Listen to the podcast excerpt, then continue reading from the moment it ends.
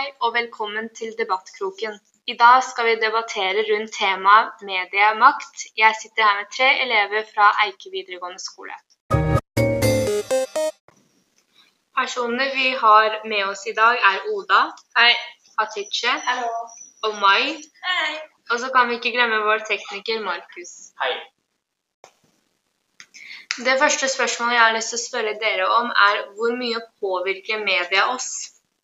Jeg mener da at media påvirker dagens samfunn altfor mye. Og vi er altfor ofte på mobilen, vi sjekker den konstant, og vi tror på det meste som står der. Ja, jeg har noe å si mot deg, for at eh, jeg mener at eh, mye av inspirasjonen til bl.a. et sunnere kosthold kan man finne på alt fra Instagram til Pinterest til Snapchat, fordi når folk legger ut av det, da, så kan du få motivasjon til å gjøre ditt eget liv bedre. Ja, jeg vil si meg ganske enig med Hatice. Jeg synes det er ganske stor mediepåvirkning, spesielt blant, blant unge, og folk kan være ganske naive når det kommer til sosiale medier. Mai, du sa at mediet tar altfor mye av livene våre, at vi sjekker mobilene konstant. Tror du uh, at mediet har påvirket oss altfor mye over hverdagen vår? Ja, jeg var enig i at media påvirker oss altfor mye. Eh, før var vi mye mer frakoblet, frie og til stede. Jeg kunne ønske at vi var mer til stede i ulike situasjoner. Og nå har vi helt sykt FOMO, altså fear of missing out. Når vi ikke er på mobilen, er vi redde for å gå glipp av ting. Hvor mye makt og hvilken type makt vil dere si de store influenserne har? Eh, jeg mener at det er mange gode influensere der ute, bl.a. Funkygine og Kristin Gjelsvik. Eh, de begge er to veldig store profiler i norske, innenfor norske influensere. Og eh, jeg mener bl.a. at Kristin Gjelsvik er en veldig sånn god motstrider til alt det andre basic eh, rosa bloggere som finnes der ute. da. Eh, så jeg syns det er veldig positivt at vi har en sånn da, en sånn stemme i Norge. Eh, og Funkygine Alle elsker Funkygine. Uh, hun er jo dritsexy. Og motiverende.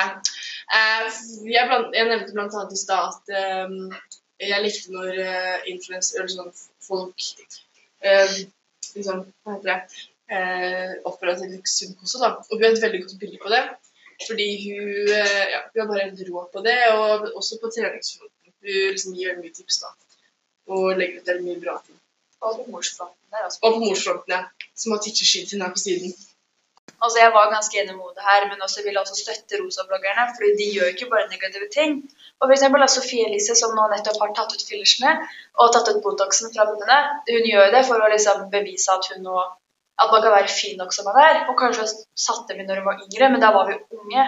Eller da var hun ung. Og unge mennesker er jo som regel Eller vi tar dumme valg, da. Det er jo ikke noe nytt. Og Isabel Rad, en annen, som også er kjent som en av de største rosabloggerne, hun har jo hatt en barn vanskelig barndom. Og det hun har gjort nå, at hun skal komme så langt på så kort tid, kan si at kan være motivasjon til andre barn. Og hun kommer med, ut med boka Chirog et eller annet. og det kan jo da si at det gir støtte og motivasjon til barn som har vanskeligheter i familien hjemme. Så yeah, skyt nå. Eh, du nevnte med Sofie Elise og at eh, hun har tatt ut lippers-greiene og Botoxen i puppene. Eh, og selvfølgelig, det er jo bra, men hun har jo tatt det en gang i tiden.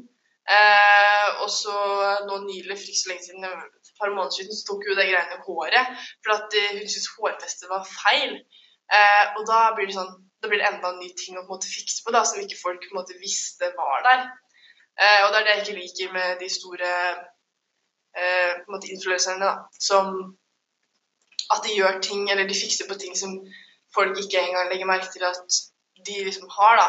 Eh, og med en gang de gjør det, så begynner kanskje folk å tenke sånn på seg selv da, og sitt eget utseende. Ja, Men da vil jeg si noe her. at Hvis nei, Sofie skal føle seg bedre når hun gjør det, så burde hun få lov til å gjøre det. Ja, men jeg syns ikke at hun skal legge så mye ut av det sånn. Fordi hun er jo veldig, så mye av nei, men hun er en veldig stor medieperson, og når hun da legger ut av det, liksom legger ut helt blogginnlegg ut av det eh, Men det er det Mer hun sånn- tjener på, for eksempel. da. Inntekten hennes kommer derfra. Ja, men det er jo det som hun burde begynne å tenke på, tjene andre, på andre mulige ting, da. Ja, men gjør jo det. Hun skriver bøker for å motivere barn og ungdom.